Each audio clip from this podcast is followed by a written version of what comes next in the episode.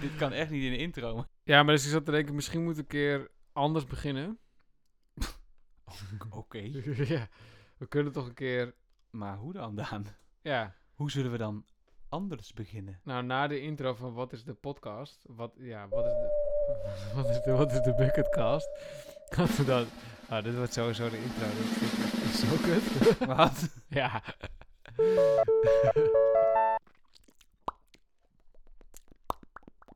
Ik ben een vis. ja.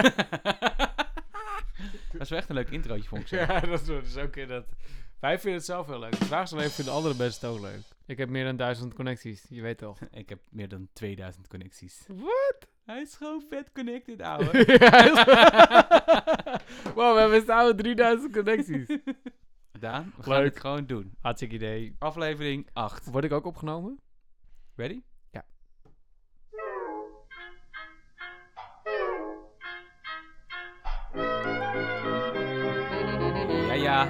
Daar is hij weer. Aflevering 8 van de Bucketcast. Live vanuit de studio weer en eh, op een veilige anderhalve meter afstand. Maar dat hoeven we natuurlijk niet te benadrukken, want wij zijn hele nette jongens. Die Verantwoordelijke jongens. Verantwoordelijke, nette jongens die dat doen. Zeker. En we zitten in de studio en we gaan het eh, vandaag hebben in aflevering 8 over van alles en nog wat. Daan, hoe is het met je? Ja, het gaat nog steeds goed. Nog steeds goed. Ja, en sterker nog, ik ben eh, van, eh, van de week ook voor het eerst weer buiten geweest met mensen ook. Oh, echte mensen? Ja, En ze zaten ook in mijn hoofd, maar voor mij waren ze echt, inderdaad. Oké, oké. Ja. Nice, leuk. En eh, op de achtergrond Vic Myers Music. Mhm. Mannetje uit de jaren 20, maar dat weten jullie inmiddels wel. En jij had er niks over opgezocht, dus dat heb ik maar gedaan. ja, zo ben ik dan ook wel weer. Ik heb het plaatje uitgezocht, dan mag jij de je rest hebt het plaatje uitgezocht. Het is een man met een voorname snor. De Clown Prince of Politics. Hij is pas, eh, pas in, in vergelijking tot heel veel onze andere muzikanten, is hij pas een jaar of twintig geleden overleden. Een jaar of Oh. dertig geleden overleden, moet ik zeggen, 1991. Eh, en hij werd ook wel de Pagliacci of Politics genoemd. Eh, en hij was een jazz bandleader natuurlijk, want dat horen we nu. Maar hij was ook een politicus uit de Democratische Partij van Amerika. Nou, superleuk. Deed hij in Washington met name. Dus dat soort dingen. Vic. Fik.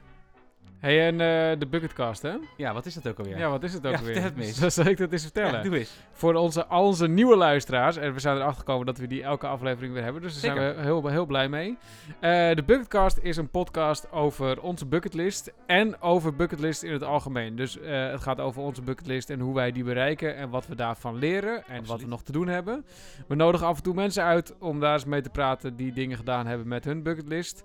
En eh, we leren van mensen die dingen hebben afgerond van hun bucketlist. En we leren van het afronden van onze eigen bucketlist. Zeker. We hebben inmiddels ook, wel wat dingen bereikt. En daar hebben we het ook al over gehad. En ook deze week, spoiler alert, gaan we weer wat dingen benoemen die eh, bereikt zijn. Ja. Wat superleuk is natuurlijk. En als je nou denkt, wat staat er nou eigenlijk allemaal op die bucketlist? Check even de bucketcast.com. Dat is onze super te gek gave website. Ja, gemaakt door Daan. Alle credits aan jou.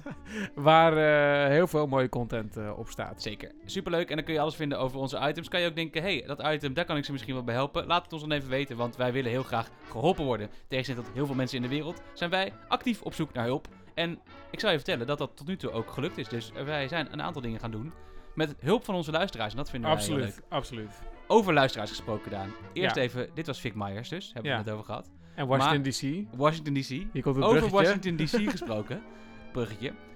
Wij hebben dus, billions and billions and billions and billions. nou ja, duizend luisteraars. Duizend luisteraars. En daar zijn we super blij mee. eh, Over alle afleveringen eh, verspreid. Maar eh, dat is toch niet verkeerd. Iemand zei tegen mij, stel je voor dat je duizend mensen in de zaal trekt. Ja, Het zijn natuurlijk niet duizend verschillende mensen. Want er zitten Nee. natuurlijk wat een paar vaste luisteraars. in. Ja, Ja, ja. Maar toch, duizend mensen. Ja, dat, eh, dat is veel. En eh, vrijwel al onze afleveringen, behalve de laatste dan, die zijn al honderd keer geluisterd. Dus dat gaat, eh, dat gaat goed. Ja. We zijn, eh, we zijn happy. We zijn happy met jullie. Met zijn jou, happy met jullie, met jou. luisteraars. Ja, en we hebben dus ook twee eh, grote vrienden van de Bucketcast, mogen we wel zeggen inmiddels. Hè? Mm. Eh, Ja. Nummer 1. Nummer 1. we hebben echt een hele grote vriend erbij sinds deze week. Maarten Molenaar, grote shout-out. Dikke shout-out naar jou. Eh, die had namelijk op LinkedIn een postje geplaatst over eh, de Bucketcast. En daar hebben we gelijk wat eh, impact van gezien op onze website en eh, onze luisterstatistics. Zeker. Meer dan 3000 views, hè? Meer dan 3000 views eh, op LinkedIn dan. Niet alle 3000 mensen zijn gaan luisteren, helaas. Nog niet. Eh, en we hebben ook nog een andere vriend van de Bucketcast. Ja, daar moeten we echt even bij stilstaan, want Ja. die kennen we namelijk ook zelf echt niet. Nee. En hij is al vaker eh, langsgekomen, tenminste hij is een keertje benoemd, zeg maar. Zeker, Eh, omdat eh, hij vriend van de show werd. omdat hij vriend van de show werd. Maar nu is hij soort van geüpgrade. Ik weet daar hebben we helemaal geen term voor. Geüpgrade vriend van de show. Extra grote vriend van de Bucketcast. Een soort van alsof Super Mario dat paddenstoeltje pakt. Ja, precies. ja. Ja. Nog groter. Insert Een. Super Mario geluid. Oh, heb ik. Dirk. Ja. eh, Dirk. Ehm, en die heeft ook eh, onze contactformulier ge- ingevuld op de website. Eh, stille hint, er staat dus een contactformulier op onze website. Waarin hij onder andere verteld heeft over eh, wat hij allemaal doet in coronatijd. Hij speelt namelijk normaal in de musical Soldaat van Oranje. Zeker. Maar die ken even niet. En is, eh, ehm, nou moet ik het goed zeggen, zanger in de... Oh, de Nederlandse tenoren. De, ja, de, de Dutch tenors. De ja. Dutch tenors. van de drie tenoren, maar dan Sorry, Nederlands. sorry Dirk, ik had het eh, beter moeten voorbereiden. Maar, ehm, en dat kan nu natuurlijk allemaal niet. Dus wat heeft Dirk gedaan in de tussentijd? Eh, huisje opgeknapt. Met de tuin bezig geweest, veel geklust, muziek gemaakt, Ja. sporten, hardlopen. Eh, en is, eh, ja, dus fysiek actief, probeert actief te zijn. Ja, dus dat kun je allemaal doen in coronatijd. En Dirk is super actief in het reageren op onze dingen. Vindt alle stories leuk. Dirk, we houden van je. En eh, nog gefeliciteerd. We gaan misschien even niet vertellen waarmee. Want, Nee, ik zat even te lezen of dit vertellen, maar ik denk het niet, maar gefeliciteerd. ja, gefeliciteerd Dirk. Super mooi. nou, dat is Eh, mooi. Dirk super happy, wij super happy. Dat was eh, de Bucketcast. dat is eigenlijk wat we, wat we dus doen. En dit is ook volgens mij onze vrienden van de show. Zeker. En die zijn nu eens een keer aan het begin. Ja. mooi. ja ik ben Ja, zelf dan- een beetje dat- in de war. Maar. Ja, nee, dat, Matthijs raakt een beetje van in de war dat ik vond dat we misschien moesten een keer beginnen met de vrienden van de Bucketcast. Want dan lullen we niet de hele eerste 20 minuten alleen maar over onszelf. Nee, zullen we maar gaan? ja, dat gaan we nu Moeten we wel over onszelf praten?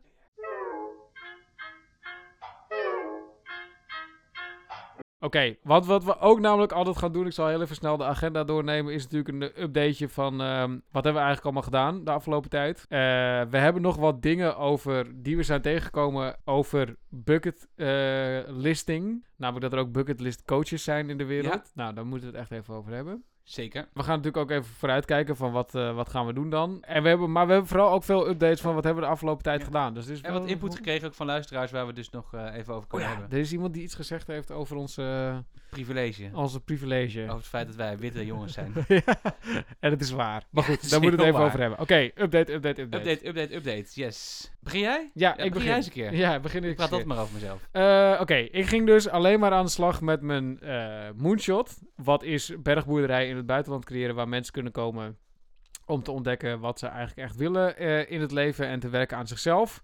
Eh, en wat voor mij een plek is om een beetje zelfvoorzienend te zijn en in harmonie met de natuur te leven. Kijk, de pitch komt er steeds makkelijker Bam! uit. Eh, en ik heb in het kader daarvan, dat was niet gepland, maar een gesprek gehad met een, eh, met, ja. met een, een man, Raymond. Die heeft een bedrijfje, Otro Elements, dat durf ik wel te noemen. Eh, en die is zeven jaar geleden naar Italië verhuisd. Een beetje op de Bonnefoy. En die, ja, die heeft dus eigenlijk wat ik, wat ik wil. Dus die heeft 20.000 vierkante meter bovenop een eh, Italiaanse berg. Met allemaal eh herdershutten erop. En hij woont dan in een dorpje daar in de buurt. En hij organiseert daar expedities. Ja. Nou, en hij, hij, zat, hij vertelde ook heel vrolijk over de lockdown.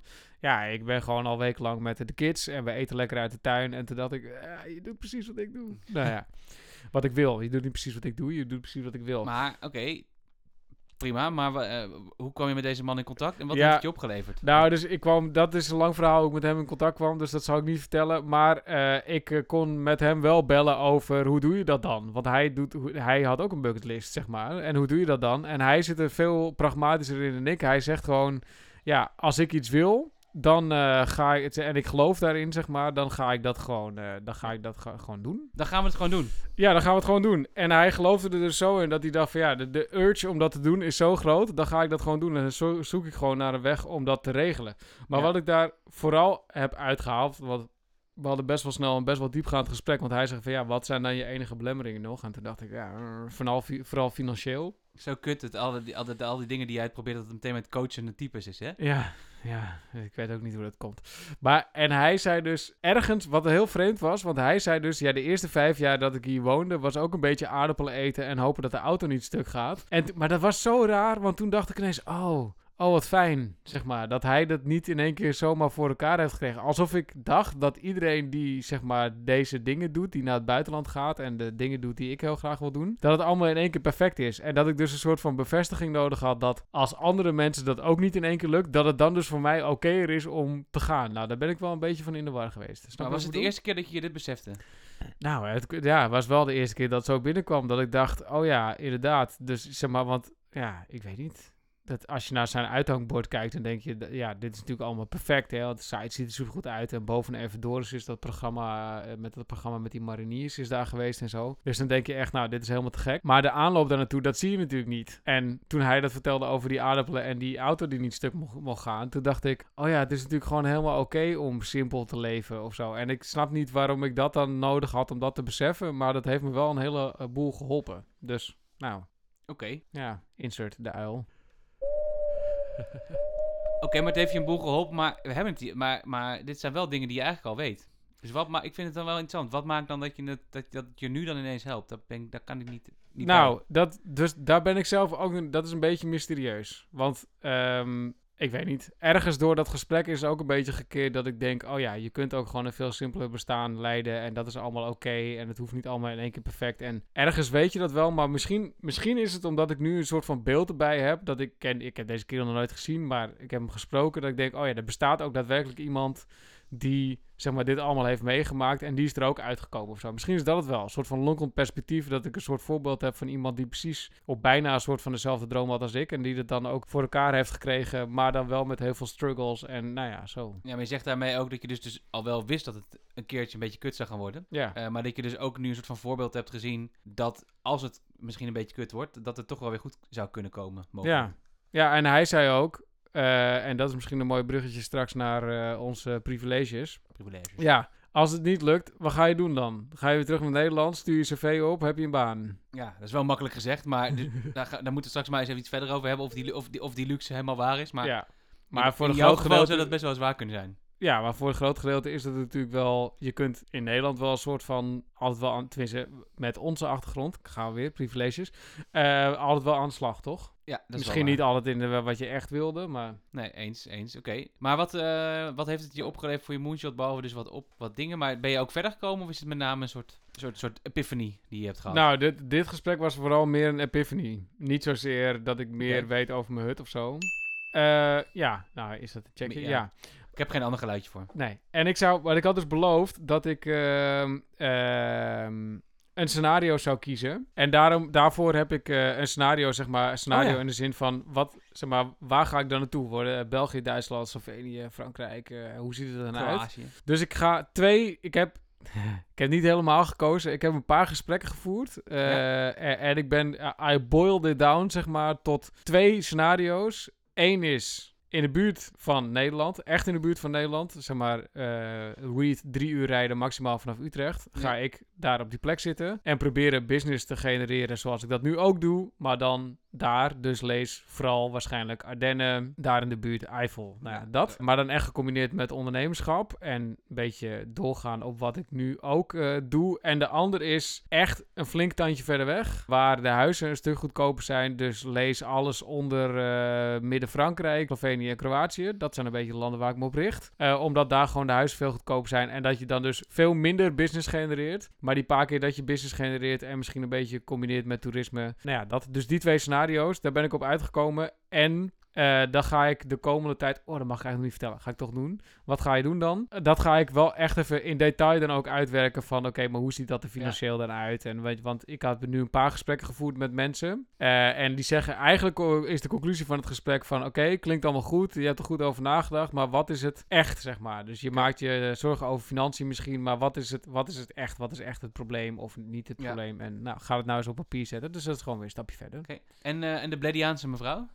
Die, ehm, die heeft ehm, laatst nog een keer op mijn LinkedIn-profiel gekoekeloerd. Ja, dat kan je zien, hè? natuurlijk. Ja, dat kan ik zien. Maar ze heeft nog steeds niet gereageerd. Dus ik vraag me wel af, misschien heeft een luisteraar een goede tip daarover. Eh, want ik had natuurlijk een proposal gestuurd naar de Management Universiteit van eh Bled in Slovenië. Om daar te gaan, eh, te gaan outdoor experiencen. En, eh, eh, want dat zou ik heel graag doen. En daar heeft ze niet meer op gereageerd. Wat een beetje gek is natuurlijk. Maar dus nu heb ik, ik heb, ik heb al een keer een reminder gestuurd. Ja, ga ik nou nog een keer een reminder sturen? Ik heb niet de telefoonnummer of zo. Ga ik, ga ik hem mailen? I don't know. Ga ik hem bellen? Ik heb, ik heb geen idee. Dus nou, als iemand nog een goede tip heeft hoe ik weer bij haar in beeld kan komen, dan eh, hoor ik het graag. En eh, insert eh, eigen huis- en tuinmuziekje. Kijk, hè hè, wat een genot. We mogen het weer over tuinieren hebben. Ik heb namelijk ehm, een tuin erbij. Hoppa! Ting. Ik ga morgen weer naar de tuin van mijn vader om te kijken hoe het is met mijn paprika planten en zo. Het waren geen goede weken met het weer. Maar Droog? Te droog? nee, te koud. Oh. Eh, voor paprika planten in ieder geval. En ik heb, eh, mijn zus die heeft eh, ook een huis op de Nederlands-Belgische grens met een flink stuk tuin erbij. Ja. En zij zei, ja, ik wil wel heel graag groenten, maar ik heb echt geen zin om mijn handen vies te maken. Dus misschien wil jij dat wel. nou, tada! Hoppa, that's where Daan komt in. Ja. Dus if you ever in need of een eh groentetuinman, bel Daan. Wel Daan, 0900, ja. Bel Daan. Op een gegeven moment is mijn tijd natuurlijk wel op, maar zeker. Of duur. Of duur. Ja, dus nou, net dat... gehoord dat je ook geld nodig hebt om te kunnen leven. Dus misschien kan je ook gewoon die Ja. jou laten... Er zit een heel businessmodel in. Nou, anyway. Ja. Dus, je hebt, eh, dus je hebt best wel wat gedaan uiteindelijk. Ja, dus, ik eh, heb- we ja. hadden het in het begin erover, want het leek alsof er niet zoveel gebeurd was. Maar misschien is dat dan toch wel gebeurd. Een soort van. Zeker, er is best wel veel gebeurd. Het was niet allemaal even gepland, maar het is dus ook een beetje... Als je dingen in het universum zet en gewoon deelt, zeg maar, met mensen, dan gebeurt dit. Want mijn zus, ja, die, die, heeft, die weet het dus ook van mijn tuinierproject bij mijn vader. Dus zo kwam, het, kwam ze erop van, hé, maar mijn tuin en, nou ja, weet je. Dus als je deelt, Ja, hey, over bruggetjes gesproken. Bruggetje als je iets in het universum zet en je deelt het. ja, Eh, nou, weet je wat? ik- Nou, dat gaat dus ook over mijn radio dingetje. Dus ehm, om een beetje tempo erin te houden. ja. Mijn, grote radio, mijn grote droom is natuurlijk dit, hè? Is er nog, hè? De Tour. De Tour met Matthijs Franken. Nou, dat zou ik wel leuk vinden, maar helaas zover is nog niet. Echter maar, eh, wat wel gebeurd is, is dat ik afgelopen maandag, spreken we nu maar, eh, we nemen dit op vrijdag, afgelopen maandag, 11 mei, heb ik bij Eva Radio, samen met Elmer en Rianne, shout-out naar Elmer en Rianne, radio opgenomen, of radio gemaakt, live, op de publieke omroep van Amersfoort en omgeving, eh, lokale omroep. En dat was echt te gek. Ja, en het heeft me echt in alles bevestigd waarom ik dit een leuk ding vind om te doen. Ja, waarom dan? Nou, ik weet niet, maar ik loop, dus ik kan het niet helemaal uitleggen, maar ik word er zo blij van om met iemand in de studio te zitten en er een en, en wat aan elkaar te praten, muziek te draaien, een beetje over het nieuws te kletsen en ook het gevoel te hebben dat je ook nog wat geeft aan mensen die daar zitten te luisteren. Ja, en je had je ook helemaal voorbereid en zo, want je wist ook allemaal dingen van het lokale Amersfoortse nieuws. En, eh, Nou, dus dat moest wel, want ik kreeg dus een appje van Rianne. Ik zei, moet ik nog wat voorbereiden? Zei Rianne, nou, misschien is het leuk je wat over het Amersfoortse nieuws weet. Ik zei, nou, dat is goed. Ga ik even op ad.nl slash Amersfoort kijken. En daar wist ik allemaal dingen van. Ja, dat klopt. Want ze hadden wel gezegd van ja, en dat is dus wel iets wat ik geleerd heb. Dat zoiets is, en dan- daar kom ik zo bij mijn tweede ding wat ik gedaan heb ook nog op. Maar Hmm. dat je echt voor dingen die je heel graag wilt ook wel echt goed je best moet doen. ja, Dus eh, hier was het daar wel echt... erover gehad natuurlijk. Ja, en, maar hier was het ook wel dat ik dacht, oh ja, je kan niet even gaan zitten daar Nee, en radio maken. Dus het is Nee. niet zo makkelijk als dat. Wat ik eigenlijk dacht, nou, ik ga gewoon zitten, ga een beetje radio maken, een beetje ouwe hoeren. Dat is zeg maar wel een beetje wat wij doen. ja. Eh, dat is niet, dat is niet oh, is voorbereid, hè? We hebben een agenda en zo. Grapje mensen. Ehm, maar het is, het is niet zo makkelijk als dat, weet je wel. Dus het is Nee. wel, je moet echt iets doen en je moet er ook over nadenken. En je moet daar ook een zinnig gesprek over voeren. En je moet heel erg nadenken over eh, wat de luisteraar wil. Ik kreeg ook na een, eh, binnen 10 minuten had ik al mijn eerste feedback te pakken. Oh ja. Ja, ja na 10 minuten zei hij al. Je mocht geen blijkbaar Nee, zeggen, scha- toch? ja, blijkbaar. Want hij zei, ja, nou, maar dat is- vond ik goede feedback. Want blijkbaar eh, moet je als luisteraar, als radiomaker dus ook gewoon iets vertellen aan de mensen. En mensen moeten er niet aan twijfelen of dat waar is. Want ze luisteren naar jou om te horen wat er gebeurt in de wereld. Nou ja.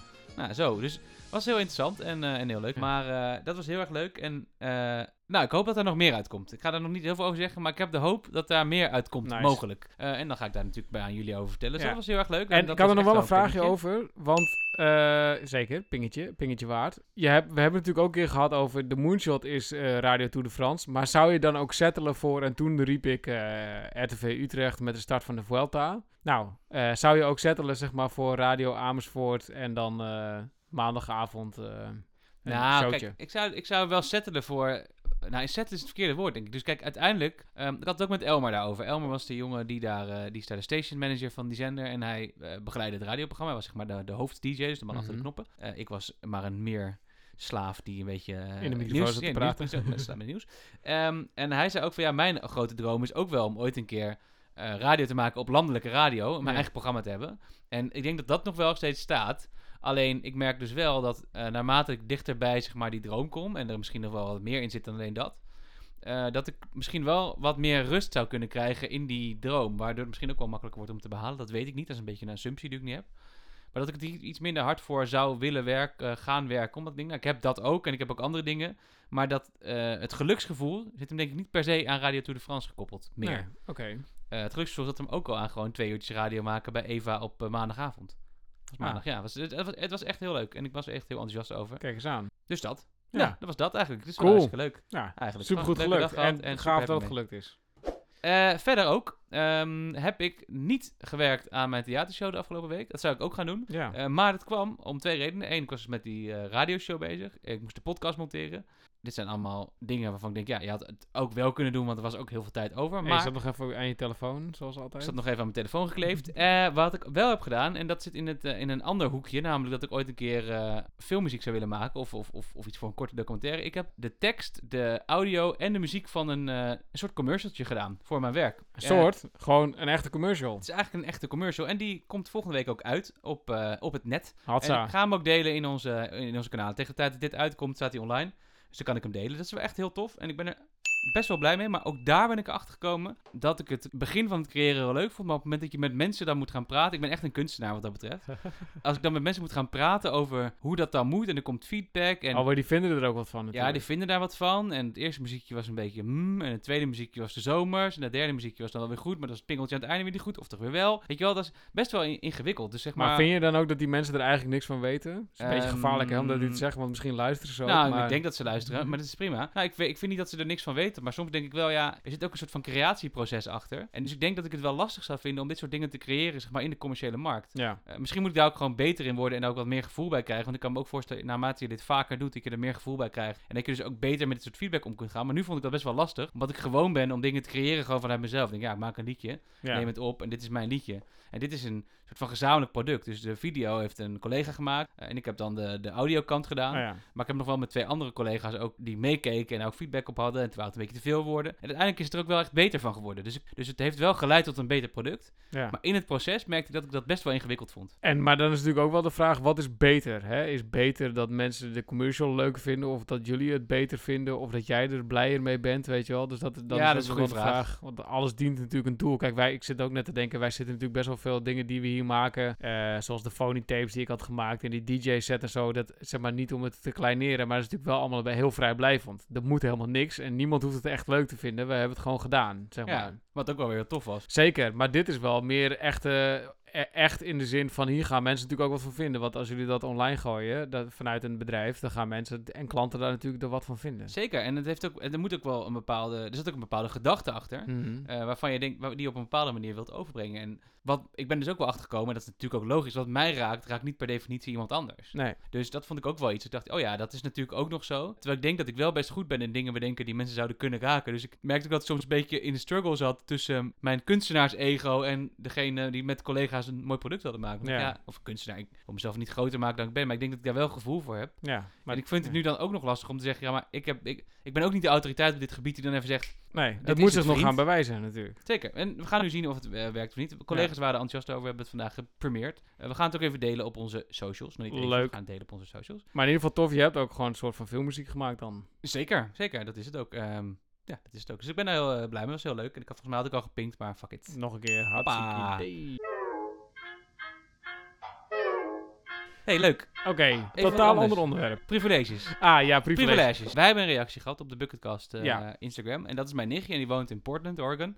In Amerika. Ehm, Billions and billions. ja, daar wonen... Billions and billions and billions and billions. eh, en geen fan van deze man overigens. Nee. Ehm, en die is daar een aantal jaren heen verhuisd. En die zei eh, best wel terecht. Van, ja, eh, ik vind het heel leuk om naar jullie te luisteren. Cool. Oh, thanks. zij is dus de luisteraar uit de United States. Zij is een van de luisteraars uit de United States, ja. Ja, zoveel luisteraars. Oké, Meer dan één. Maar zij is een van de luisteraars uit de United States. En ehm, zij, eh, zij vindt, ik vind het heel leuk om met te luisteren. En ik vind het ook mooi dat jullie daarin groeien. Maar ik merk ook wel dat je soms praat vanuit een bepaalde geprivile- eh, geprivilegeerde positie. Dus je hebt al een bepaalde positie waardoor je dit soort dingen kunt doen. Eh, en daar hadden we het net denk ik ook al even over. En ik dacht wel, dat is wel een interessante om, om eens even aan te halen. Want het is natuurlijk wel zo dat wij, ik weet niet hoe jij daarnaar kijkt Daan. Dat wij, kijk wij zijn twee eh, eh, jongens met een Nederlandse achtergrond. Mhm. En eh, hoger opgeleid. Of, nee, dat mag je niet meer zeggen. Hè? Nou, wij zijn, we Ja. hebben een universitaire studie afgerond. Ja, En komen bij twee grote Nederlandse bedrijven vandaan. Zijn daarna wat een wat kleiner bedrijf gegaan. We zitten wel in een markt. Dan voor jezelf nu, maar we zitten wel in, in, in, een- in een gepubliceerde markt. We hebben ook allebei eh, wat te besteden. ja, En van daaruit praten we over deze thema's en dingen. ja. En zij zei van ja, maar dat kan natuurlijk betekenen dat het voor jullie, ook veel, dat het voor jullie veel makkelijker is om te zeggen: ga maar naar Bali bijvoorbeeld. Ja, Ja. En, en volgens mij is dat ook zo. Is dus eh, even om terug te komen op eh, Raymond die ik gesproken had van de week. Die zei dat ook. We, zeg maar, we, we, zeg maar, dus mijn vertaling van wat hij zei. eh, hij had het wel over de Maslow-pyramide. En mijn vertaling daarvan is... We wanen een beetje rond zeg maar, in die bovenste, die bovenste trap van de Maslow-pyramide. En de rest hebben we eigenlijk continu allemaal wel geregeld. Zingeving, hè? Zingeving, ja. Dus de zingeving. Dus, we, dus alles, al het andere, zoals het dak boven je hoofd en relaties en weet je wel, zekerheid en dat soort dingen. Eigenlijk hebben we dat allemaal. Maar ik heb dus ook wel het idee: wordt het niet moeilijker naarmate je hoger in die piramide komt? Om, Nou ja.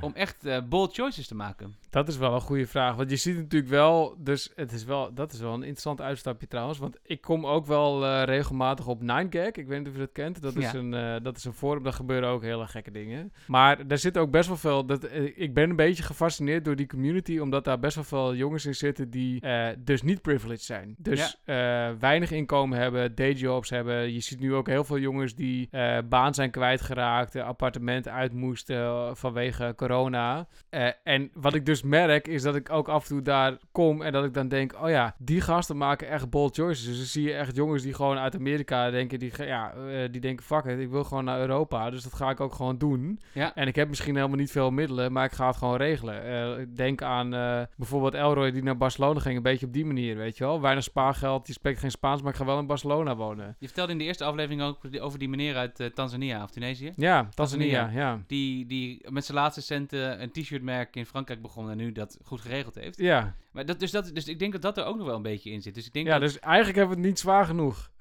Nou, Ja. dat weet ik niet. Dus ik denk dat, dan, dus ik denk dat onze fallback en, ons, en, de, en de positie waarvan uit we het doen gewoon veel, veel comfortabeler is. Dus ik denk Ja. dat het comfort dat wij hebben, dat we terug kunnen vallen, op dit moment in ieder geval nog, op een fatsoenlijke baan en op in ieder geval een beetje Absoluut. op een huis dat we gekocht hebben. Ja, Ehm, dat, dat dat natuurlijk wel anders is dan wanneer je dat niet hebt. En wanneer je gewoon moet vechten om überhaupt je bestaan bij elkaar te sprokkelen. ja, helemaal Maar aan de andere kant, ik luisterde vandaag een podcast over Karel Appel. En eh, die, die zei ook, ehm, dat was ook een, een kapperszoon die eigenlijk niks anders kon dan schilderen. En hij moest wel. Hij kwam Hmm. uit, de, de, de- uit de middenstand en ja, hij kon niet naar de universiteit of iets, maar hij moest maar Nee. gaan schilderen. Dus hij Ja. ging maar schilderen. We kunnen hem helaas niet inbellen, want hij is overleden in 2006. maar, maar ik vraag me dus ook wel af, er zit ook nog wel wat in die... In, aan die kant van het privilege, dat het privilege je misschien ook wel lui maakt. Tenminste, het privilege Ja. maakt mij lui. Ja, maar dat vind, ik, dat vind ik wel een hele goeie. En als ik daar nu zo over nadenk. Kijk, als ik zeg maar, dus als ik misschien wel als ik veel minder middelen had of zo, veel minder uitzicht hier. Dat het ook veel makkelijker was om dus wel die move te maken die ik, eh, die ik al een hele tijd in gedachten heb. Misschien o- op een andere manier, maar dat ik dan wel in ieder geval verhuisd was of zo. Ja. Sterker nog, toen ik, ik heb in Kroatië gewoond, eh, twee jaar. En de eerste keer dat ik naar naartoe ging, had ik ook heel weinig. En sterker nog, toen was ik nog niet eens klaar met studeren. En toen dacht ik, oké, nou, ik ga er wel gewoon naartoe en ik probeer daar een baan te scoren. En, nou ja, en dat is allemaal gelukt, zeg maar. Ja. Ja, dus het is ook zo. En, en, en dan heb je wat minder te verliezen, waardoor je ook wat eerder weg zou gaan. Ja, Ik zou bijvoorbeeld nu, in mijn situatie, waarbij je eh, op zich comfortabel, een, een best comfortabel leven hebt en een kind. En eh, ik zou eigenlijk eh, gaan trouwen. Maar een best comfortabel leven en een kind. Nee, ja, dus, don't get me wrong, people. I love the guy. Maar ehm, ehm, dat je ook wat minder snel een stap gaat maken, een vervolgstap gaat maken. Dat is ook wel Ja. dat dertigersdilemma wat volgens mij... Wat, wa- wat ons een beetje raakt. Dat geldt Ja. voor mij ook. Kijk, stel dat ik nou echt een carrière in de radio zou willen pursueren, wat ik misschien wel wil. Ehm, ik weet niet of ik op dit moment bereid zou zijn om alles aan mijn cloud te laten Ja, vallen. En echt. te gaan zeggen, ik ga gewoon eh substantieel minder verdienen. Ja, En dan nog besef ik dat dat een heel eh, eh, elitair, in zekere zin elitair standpunt is. ja, want dat was ook haar punt natuurlijk een beetje. Ja. Dus Dat wij het hele tijd hebben over onze pay-cut die we dan misschien moeten nemen. En dat voor heel veel mensen is dat ook geen optie. Nee, want je hebt, die, je hebt het gewoon, überhaupt, het geld dat je überhaupt verdient, heb je gewoon nodig om, Ja. je, om je inkomen binnen te halen. Terwijl Ja. in mijn geval zou het betekenen dat ik misschien een paar sneakers minder koop. En, minder sneakers voor de kleine man. Zeker. Ehm, nou ja, die gun ik het. Maar ja, gaat het dus- niet om. Maar dit, dat is wel de... de Zeker. Dit is Dus- wel een, dat ingewikkelde situatie vinden. Ook omdat ik niet zo goed weet... ehm, ik merk dat ik het, hoewel ik heel open sta denk ik hierin, wel lastig vind om me te verplaatsen in die situatie. Dus ik vind zeg maar, het verplaatsen in de situatie van iemand die het anders heeft of zo. Dus ik kan me wel verplaatsen in iemand anders, denk ik, als ik met iemand Ja. klets. Maar als wij het er nu zo over hebben, vind ik het heel moeilijk om die situatie van iemand anders te projecteren op mijn situatie. En hoe Ja. zou ik dan reageren. Want nu, want nu kunnen wij natuurlijk ook wel, heel, ik, wat ik net zeg, is ook projectie. Ik kan heel makkelijk zeggen, ja, maar ja, als je, je hebt minder te verliezen, dus waarom doe je het niet gewoon? Ja. Dat is een beetje het Bali-argument. Ja, hè, waarom Ja. ga je niet gewoon? Ja, ja. Maar ja, misschien heb je juist wel veel meer te verliezen. ja. dat is eh, tijd voor de uil, ja. ja. Maar ik denk wel, zeg maar, waar we het zeker over eens zijn, is eh, een hoop dingen. Denzel Washington heeft ooit gezegd: Ease is a greater threat to progress than hardship. Ja, En dat is gewoon 100% waar. ja Hè, dus- waar. En dat is hier dus ook aan de hand. Hè? Dus eh, omdat wij eigenlijk hebben we het, dus ja, ik kom weer helemaal terug op. Eigenlijk hebben we het gewoon te makkelijk. We moeten onszelf veel moeilijker maken, want dan komen we tenminste in beweging. Ja, maar dat is natuurlijk, daar hebben we het natuurlijk al eerder over gehad. Kijk, de, onze hypothese is de enige eh, reden dat je je dromen niet bereikt bij jezelf. Ja, Dat is, dat is één. Maar volgens mij zit daar nog een hypothese bij of onder of achter. Weet niet precies. Maar dat gaat dus ook over. Als je het jezelf niet moeilijk genoeg maakt, dan kom je er dus ook niet, denk ik. nee. Dat, dat begin ik nu. En, en, dat is een beetje raar vanuit het, eh, van het privilege gere- geredeneerd misschien. Ja, Want het voelt wel een beetje krom dat we nu dat privilege gebruiken om dat op onszelf te projecteren. En vervolgens zeggen: ja, we hebben het dus eigenlijk niet moeilijk genoeg. ja, Maar misschien waar. hebben we het dus ook wel gewoon niet moeilijk genoeg. En willen we er daarom ook wel niet hard genoeg voor werken. Nee. Ik zie dat ook, kijk, als je kijkt naar, ehm, eh, naar best veel grote topsporters, die moeten gewoon echt wel ergens vandaan komen. En de mooiste Ja. verhalen zijn de jongens die, die, eh, die uit de achterbuurt komen of die het slecht hebben. Ik zat gisteren eh, de, de, de afscheidsdocumentaire van Hakim Ziyech te kijken. Oh ja. Wiens vader jongen is overleden. Zijn moeder is alles voor hem, heeft acht, negen kinderen opgevoed. En hij zegt, de enige reden dat ik voetbal is voor haar. Ja, Tranen in mijn ogen zitten kijken trouwens. Want hij zit er zelf ook bij te janken. Maar dat is echt mooi, weet Ja. je wel. Hij zegt gewoon, ja, dit, dus ik heb gewoon pijn en ik ben doorgaan. Als ik het zelf had moeten doen, was ik waarschijnlijk gestopt. ja, ja. Ja, en zo zijn er natuurlijk nog veel meer verhalen. Dus, we, hebben, dus we moeten het onszelf gewoon moeilijker maken. Ja. Of het meer opzoeken of het meer uitdagen. Dus, dus Of gewoon harder ons best doen. blijkbaar, eh, de, misschien is een conclusie wel, dat blijkbaar dat privilege dus ook voor ons betekent dat we het ook niet te makkelijk moeten maken voor Nee. onszelf. En dus ook niet maar denken, ja, eh, het komt allemaal wel goed. Dus wat jij net natuurlijk eigenlijk ook zegt. Dus van, ja. Ja. als ik naar Italië ga en ik doe het, ja, ik kan altijd nog terugvallen op deze situatie. Maar eigenlijk Ja. is die, dat, dat terug, die terugvalbasis... ehm, Ja, je moet helemaal niet op zoek naar die veiligheid. Ja. je moet helemaal niet op zoek naar veiligheid, zeg ik tegen mezelf.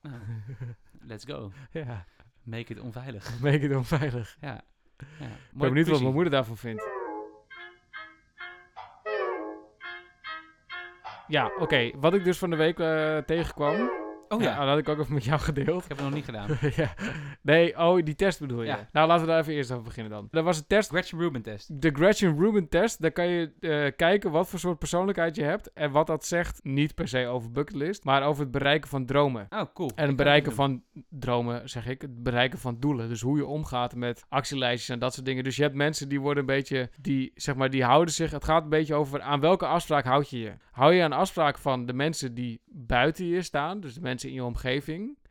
Of hou je aan de afspraken die je met jezelf aangaat. Ja. En kun je überhaupt met jezelf afspraken aangaan? En dus zeg maar New Year's resolutions bijvoorbeeld. Hè? Of laat je de hele tijd leiden bijvoorbeeld door druk van anderen. Dus eh, bijvoorbeeld eh, je baas die tegen je zegt, maar het is echt heel druk. Dus je kan eh, eigenlijk geen vrij nemen. Nou ja, dat soort dingen. Ja. Dus de vraag is, waar laat je je toe leiden? En wat zegt, dan, wat zegt dat over het bereiken van doelen en eh, dat soort dingen? En als je daar dus een beetje over nadenkt. Dus heel veel mensen die wij gesproken hebben of die wij inspirerend vinden op het gebied van bucketlist. Die lijken zich dus echt nul zorgen te maken over wat andere mensen van hen vinden. Ja, dat is echt mijn... En dat is mijn allergrootste nemesis. Dus wat andere mensen van me vinden. Dat Ja. ik ja, meteen te zeggen. Ik weet niet of dat bij jou ook zo is. Nou, maar dus ik moet net even denken aan wat dus die epiphany die ik met Raymond had. Zeg maar, dus dat ik niet succesvol hoef te zijn op het moment dat ik zeg maar dat naar, die buiten, naar dat buitenland ga moven. En dat dat Raymond dat dus ook in het begin niet gelukt is of zo. Of dat hij niet zeg maar iets had om te shinen de eerste Ja. paar jaar. Dat ik denk, dan gaat het dus toch over wat andere mensen daarvan vinden. Ja, of in ieder geval over de definitie van succes die je hebt. Ja, Uh, en, en die is, daar zeg je dan mee, voor een deel afhankelijk van hoe andere mensen kijken Ja. naar hoe jij het doet. dat denk ik dus wel. Ja. En dat is dus, en ik snap, ik voel dus aan alles dat niet, dat, dat niet de gezonde motivatie is om erin te stappen. Maar het is wel zo, nu even in mijn hoofd. Ja, en daar is dus een soort test en dan kan je kijken hoe dat voor jou werkt. Ja. En er zijn dus ook mensen, want daar wilde je eigenlijk naartoe,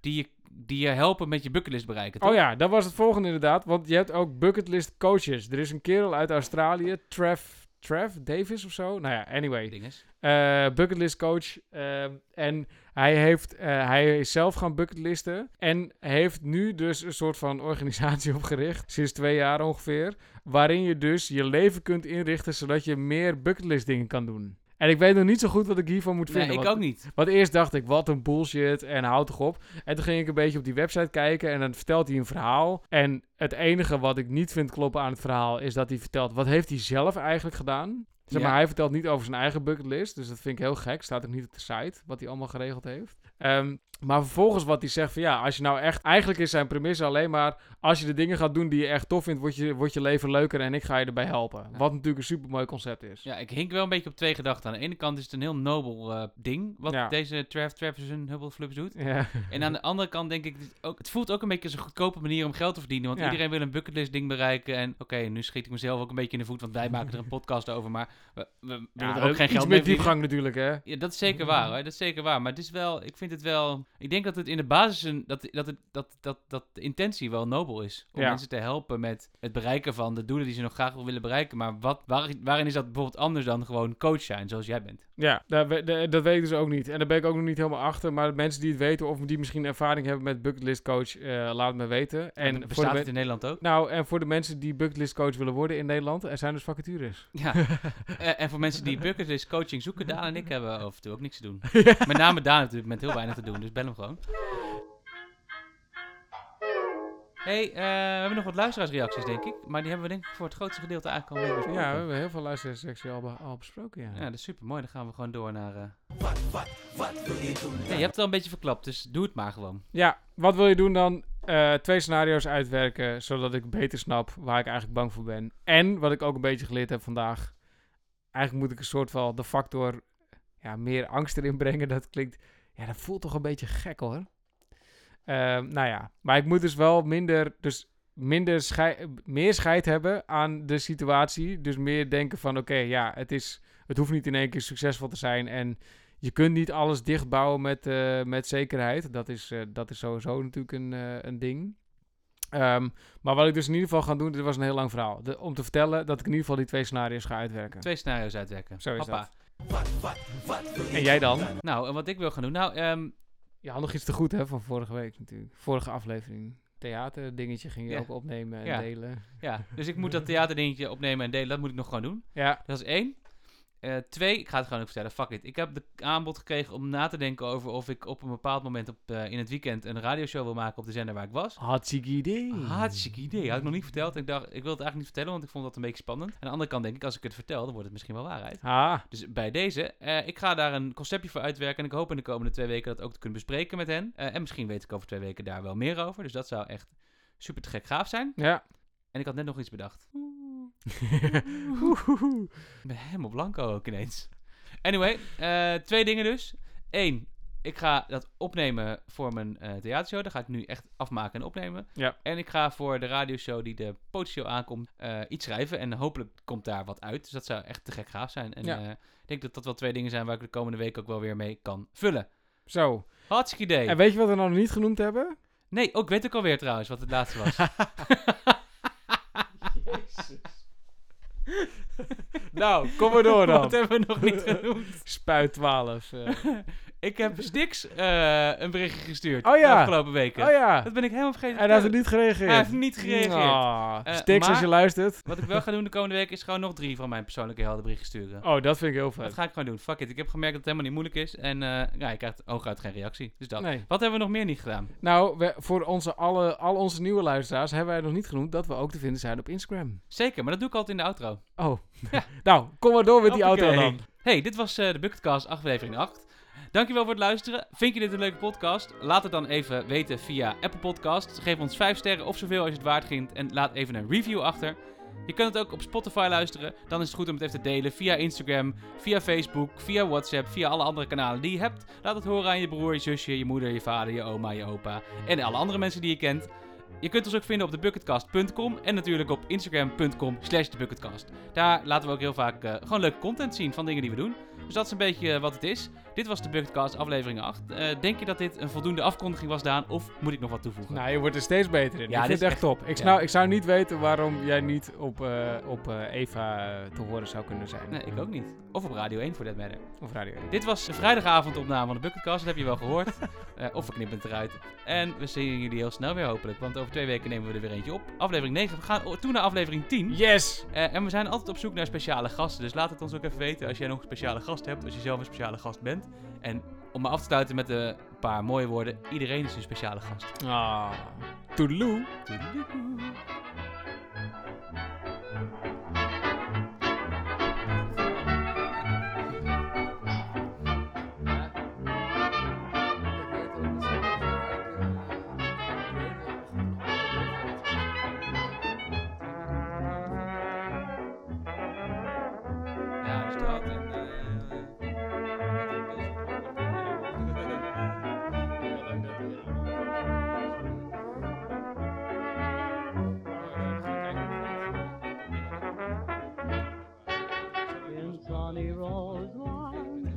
Breezes are playing, where the honeybees are maying,